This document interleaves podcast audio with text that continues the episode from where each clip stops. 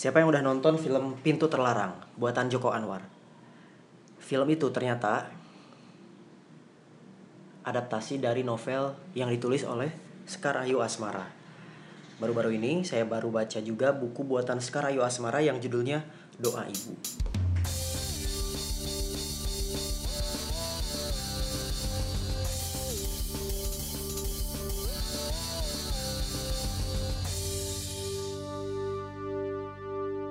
Di awal tadi saya nyebut Joko Anwar karena daya tarik saya untuk baca buku Sekar Ayu Asmara sebenarnya karena ya itu Joko Anwar.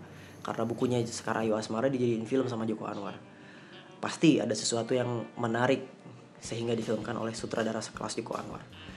Nah, karena Pintu Terlarang udah tahu kisahnya berdasarkan film jadi saya baca yang judulnya Doa Ibu. Nanti kita akan bahas juga tentang Joko Anwar dan Sekar Ayu Asmara ya. Tapi kita fokus dulu di doa ibu. Resensinya, buku ini tentang seorang ibu dan seorang uh, pelukis. Saya bacain bagian belakangnya ya buat sinopsis. Akhir-akhir ini kehidupan pelukis Ijen banyak dihadang berbagai macam keanehan. Dimulai dari resepsi pernikahan sahabatnya, Halen, sang pengantin wanita Dewanti, menghilang begitu saja dari pelaminan. Pencarian Dewanti membawa Ijen ke dalam perjalanan yang membuatnya semakin sesat dalam ketidakpastian. Satu persatu, sahabatnya pun turut lenyap tak berbekas. Sementara itu, Madrim berduka. Suaminya, Bintang Joyo Kusumo, meninggal karena serangan jantung.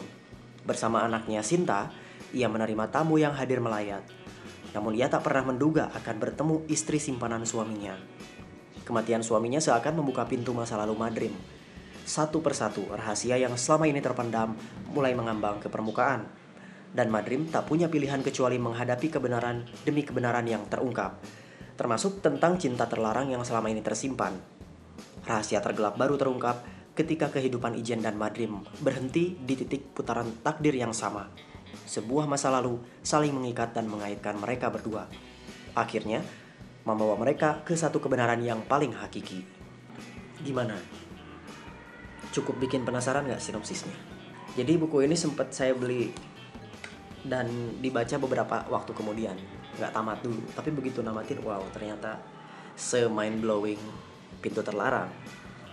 Yang menarik dari buku ini yang diterbitkan di tahun 2009 yaitu penggunaan sinestesia. Sinestesia itu cross uh, sensation gitu loh.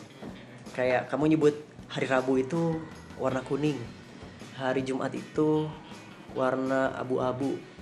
Nah, di awal setiap bab yang membahas tentang ijen selalu ada kalimat seperti itu. Contoh nih saya bacakan di bab pertama. Bila bahagia bisa memilih warna, apakah warna pilihannya? Mungkinkah warnanya rose madder deep atau cadmium yellow light atau manganese blue? Dan selanjutnya kisah berlanjut. Kita memang bisa bingung karena kayak aduh ini lagi seru-seru tiba-tiba dibelokin perhatiannya ke kisah lain dan sebaliknya. Tapi di bagian akhir bab itu selalu berkaitan dengan bagian awal bab berikutnya. Ini contohnya di akhir bab 4 ada perbincangan antara Ijen dan kawan-kawannya. Wajah Ijen berubah serius sembari ia memutuskan sambungan telepon. Kenapa si Cepol Rajif bertanya kaget melihat perubahan raut Ijen Cepol masih di rumah, dia kaget waktu mau pamit dan masuk kamar Khaled. Si Khaled kenapa lagi? Giok Nio penasaran. Khaled motong nadinya pakai silet. Suasana kafe mendadak hening. Di awal bab 5, kalimatnya begini. Hening menemani batin Sinta dalam penerbangan pulang ke Jakarta. Ia duduk di kelas ekonomi deret pertama. Ia memejamkan mata, berharap tidur dapat mengurangi beban yang mengganduli hatinya. Semua sia-sia, mau melek atau merem, Sinta tetap tak dapat mengubah perasaannya. Menarik kan? Dan di dalamnya juga twistnya itu berkaitan dengan fertility dan motherhood. Dua kata itu yang juga dibahas Joko Anwar dalam banyak filmnya di wawancara Joko Anwar yang baru rilis dari sebuah media Singapura bernama Cindy.sg Joko Anwar ditanya sama wartawannya Can you share more about the WW and why you choose her? WW ini maksudnya kisah WW yang masuk ke folklore series dari HBO Asia tentang hantu WW Gombel. Jawabannya Joko Anwar begini. The theme of motherhood and fertility has been present persistently in my films. So much so, one trademark of my work could be the presence of a pregnant woman. My first pregnant character went into labor in a taxi.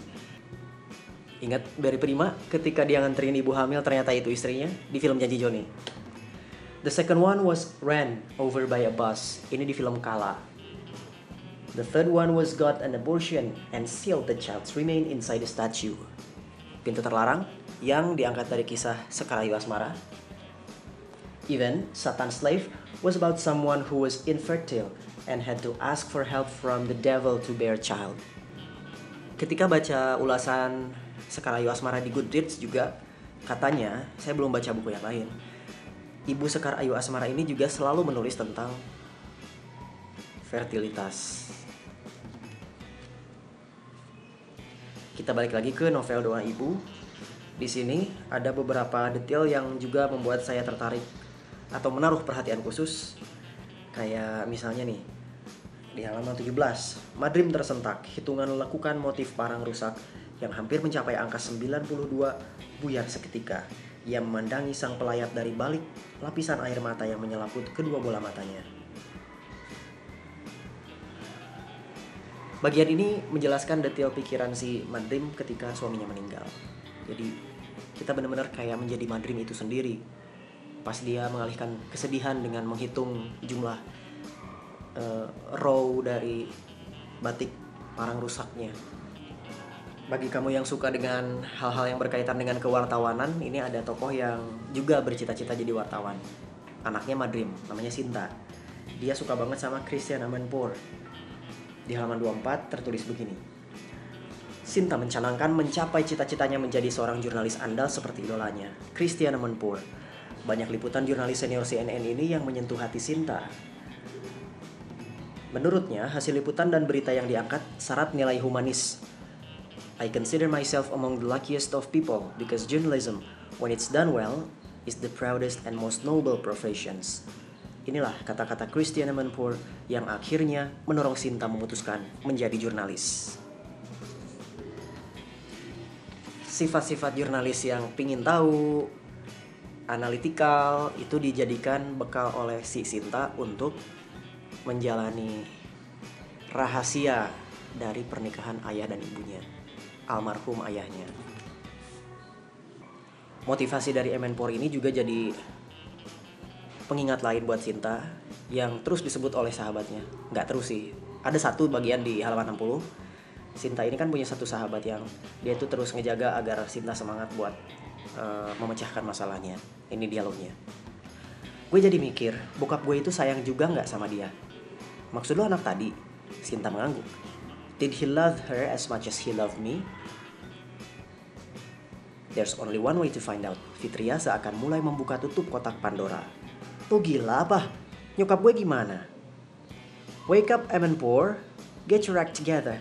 Masa insting jurnalis lo nggak terketuk sih? Lo nggak pengen tahu dia di sekolah di mana? Lo nggak mau tahu kehidupannya kayak apa? Ibunya kalau di rumah kayak apa? Gila, tiba-tiba di dunia ini ada adik yang sedarah sama lo. Masa lo nggak penasaran sih? adik. Fitria betul, dia adikku. Kami seayah, kami sedara. Aku harus mencarinya. Aku harus mengenalnya.